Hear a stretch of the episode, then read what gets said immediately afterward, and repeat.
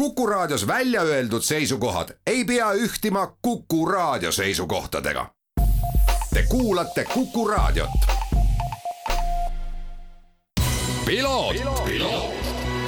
ralli uudistele tagavad kvaliteedi RM stuudio põrandad tervist, head Kuku raadio kuulajad, eetrisse läheb saade Piloot ja stuudios saatejuht Margus Kiiver. elame keerulistel aegadel, aga vaatamata sellele, sellel nädalavahetusel algab kahe tuhande kahekümne teise aasta F1 hooaeg ja mul on hea meel tervitada, ma usun, värskeid hääli äh, vormel ühe mõistes. fännide jaoks ilmselt võib-olla mitte nii väga, aga Kuku kuulajate jaoks kindlasti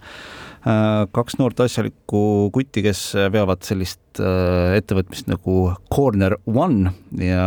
ma lasen teil kõigepealt ennast ise tutvustada. tere ka minu poolt kõigile Kuku kuulajatele ja head hooaja või õigemini head äh, algavat vormelihooaega ja ka siis üleüldse head algavat mootorispordihooaega. mina olen Art-Peter Roosvee ja siis jah, Corner äh, üks äh, siis üks äh, siis toimetajatest ja väga lihtsalt, väga lihtsalt võib-olla meid võibki kokku võtta, et me oleme alati kirjeldanud ennast kui sellised asjaarmastajad, kes armastasid asja nii väga, et see asi läks järjest suuremaks, et siis sellest Facebooki lehest on kasvanud siin nüüd Postimehe saade ja siis muud, muud asjad ja sellised projektid ka. Ja ja et siis nüüd oleme sellised asjalikumad asjaarmastajad, suhtume vormel ühte kui viiskümmend protsenti sellisesse äh, tõsisesse, väga äh, tehniliselt komplekssesse sporti, viiskümmend protsenti siis sellisesse inimlikesse lugudesse, kuni siis internetihuumorini ja folkloorini välja. ja, ja ja noh, on aastatega siin omad meelisteemad nagu äh, naiste osalus mootorispordis ja, ja järjest rohkem hoiame äh, Eesti kardiskeenel silma peal ja siin niimoodi tiksume ja väga meeldiv, et äh, väga meeldiv saates olla. väga tore tervist ka minu poolt, olen siis äh, Janar Saharenko ja oleme Art-Peeter Roosveega siis Corneri, äh, Corner ühe asja ajamas, mis siis esmalt, äh, esmalt ongi praegu, põhineb täpselt siis vormeli, vormeli teemadel, vormel üks on nagu meie ütleme, tippklass ja, ja kõik vormeliga seotud teemad on ka sinna juurde kuuluv, et kindlasti, kindlasti Corner üks on nagu nimi, millest äh, saab ka minna WRC-ni, motokrossini, kart, mis iganes, et äh, et kindlasti plaanid on ka nagu kunagi võib-olla äh, teostada selliseid suuremaid ja kaugemas plaanis ütleme, teemasid, podcast'e, mis iganes me kõik vähegi teha saame ja ja ega ei oskagi öelda, et äh, ma arvan, et siin äh, on hea seda asja ajada, mis äh, töö kõrvalt nagu viib mõtted mujale ja ja noh, ma arvan, et kui Corner ühte poleks ja vormel ühte poleks, siis siis ma oleks ikka suht tüüpiline tavaline külapoiss ja, ja ei, ei teeks väga midagi, et, et see on, see on mind päästnud ja, ja vormel üks on üks väga, väga kõva asi ja ei, üldse ei kahetse, et, et elu on selleni viinud see on üks äh, huvitavamaid äh, sissejuhatusi, ma olen täiesti kindel selles. ja muidugi, äh, mida ma pean teile mõlemale ütlema, et olge rahulikud, varsti on see teil hobist tööks kasvanud ja, ja nii ta läheb. see on, see on täiesti normaalne mootorispordi maailmas. aga äh, räägime vormel üks hooajast ja teeks võib-olla nagu asja kohe alguseks subjektiivseks, et et noh, meie vestluste, vestluse käigus siin mm, kõik saaksid asjadest õigesti aru, kellele pöialt hoiate on no, mingid, on mingid omad lemmikud äh, välja kujunenud? no selline, endal on selline eksistentsiaalne probleem praegu, et äh, elupõlisele Raikkonneni äh,, Kimi Raikkonneni pooldajale on siis nüüd selline keeruline aasta, kus siis äh, oma kahekümnese, kakskümmend aastat kestnud karjääri lõpetanud Kimi Raikkonneni pole enam äh, võistlejate rivis ja siis tulebki rohkem äh, keskenduda sellele, et äh, Äh, et lihtsalt selle spordi armastamisele kui sellisele, et siis äh, toibuda sellest, äh, toibuda sellest kaotusest. aga tegelikult ja natukene ja nagu me Corneris ka oleme natuke sellised, sellise nostalgia peal ka väljas tihti ja siis seetõttu ma ütleksin praegu, et Alonso puhtalt sellepärast, sest no esiteks ta on sümpaatne mulle üleüldse, ma arvan, et selles neljakümneaastases Hispaania härrasmehes on veel kõvasti-kõvasti potentsiaali kui mitte kvalifikatsioonis, siis võidusõidus ma paneksin ta Hamiltoni Verstappeniga raudselt samasse kategooriasse ja ja, ja sellised jah, nostalgilistel põhjustel, kui viimase selle nii-öelda selle varaste kahe tuhandendate põlvkonna esindajana, siis ma hoian pöialt Alonsole ja Alpiini tiimile siis. väga hea valik no mina, mina liigun väga teises suunas ja võib-olla just eh, selle mehe suunas, keda, keda väga paljud ei toeta, aga väga palju ka on tal toetajaid, et eh, Lewis Hamilton eh, võitis minu südame Top Geari saates, kui kui mu isa vaatas Top Geari oma kõrvalt, vaatasin ka ja ma ei saanud mitte midagi aru. kui ta esimest korda seal saates käis ja siis mulle isa ütles, et vot see mees on kõva mees ja siis ma teadsin, et mine, järelikult nii on ja ma hakkan vormelit vaatama ja tänu sellele ma olen siiamaani a la kaks tuhat üheksa sealtmaalt kuskilt äh, Lewis Hamiltoni fänn olnud ja tiim on, äh, tiim, keda fännan, on äh, McLaren, kuna ta tol ajal oli seal, aga siis läks üle Mercedesesse ja siis pidin, pidin mingid pooled valima ja valisin siis, et tiim ja sõitja no mina omalt poolt lisan, et äh, ma olen nüüd viimasel ajal just nagu keskmike poole hoidnud, et äh, McLaren ja Ferrari ja mul on nagu selles mõttes äh, Michael Schumacheri ajast, ma olen elanud üle tohutuid kihlvedusid, vaidlusi, verbaalseid kaklusi teemal Miga Häkkinen versus Michael Schumacher. ja, ja sellest ajast on see Ferrari jäänud ja ma siiralt loodan, et aastal kaks tuhat kakskümmend kaks Ferrari nüüd sealt keskmikust tõuseb sinna tõuseb siis sinna Red Bulli ja Mercedese kõrvale. aga räägimegi nüüd äh, hooaja algusest, äh, kaks testi on tehtud, Barcelona on tehtud, Bahrein on tehtud äh, ja kõik räägivad justkui nagu ühte keelt, et Äh, Mercedes hooaja alguses ei ole konkurentsivõimeline, kaasa arvatud Mercedes ise. ja seda on ka tegelikult väga paljud ajakirjanikud öelnud, kes on testidel kohapeal öelnud, ütlevad, et see nii-öelda nagu see sandbag imine, nagu mm. vormel ühe maailmas äh, räägitakse, ehk siis eesti keeles äh, nii-öelda nagu puhta jama ajamine äh, et see tegelikult ei ole reaalne, et äh, sa võid auto silmini kütust täis panna, sa võid aeglasemalt sõita, sa võid kõiki asju teha, aga kui auto käitumisest on näha,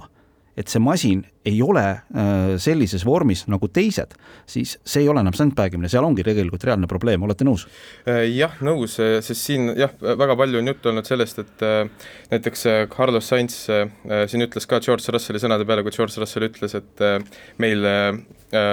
siis nüüd värske Mercedese piloot George Russell, et me, et meil on tegelikult päris, päris jama olukord ja siis Carlos Sainz ütles, mida ilmselt ka terve meedia arvab, et Mercedes jälle nii-öelda siis äh, sandbag ib ja mängib sellist, äh, mängib, mängib selliseid mõttemänge, aga siin, aga siinkohal, äh, siinkohal tõesti, tõesti tundub, et päriselt seekord on natuke häda majas, et noh, me võime siin rääkida, et nad rääkisid sama juttu kaks tuhat seitseteist ja kaks tuhat kakskümmend üks ja just. siis tulid ühel korral siis noh, mõlemal korral tulid konstruktorite tiitlid. Ja eelmine aasta ju avasõidu võitsid. avasõidu võitsid, täpselt niimoodi, kuigi olid suured jamad, aga midagi on natuke teistmoodi. ma ütleksin ja just sellepärast, et nad ik-, et tundub, et äh, see, et see, millest meil siin kindlasti ka juttu tuleb, et siis äh, ingliskeelne termin äh,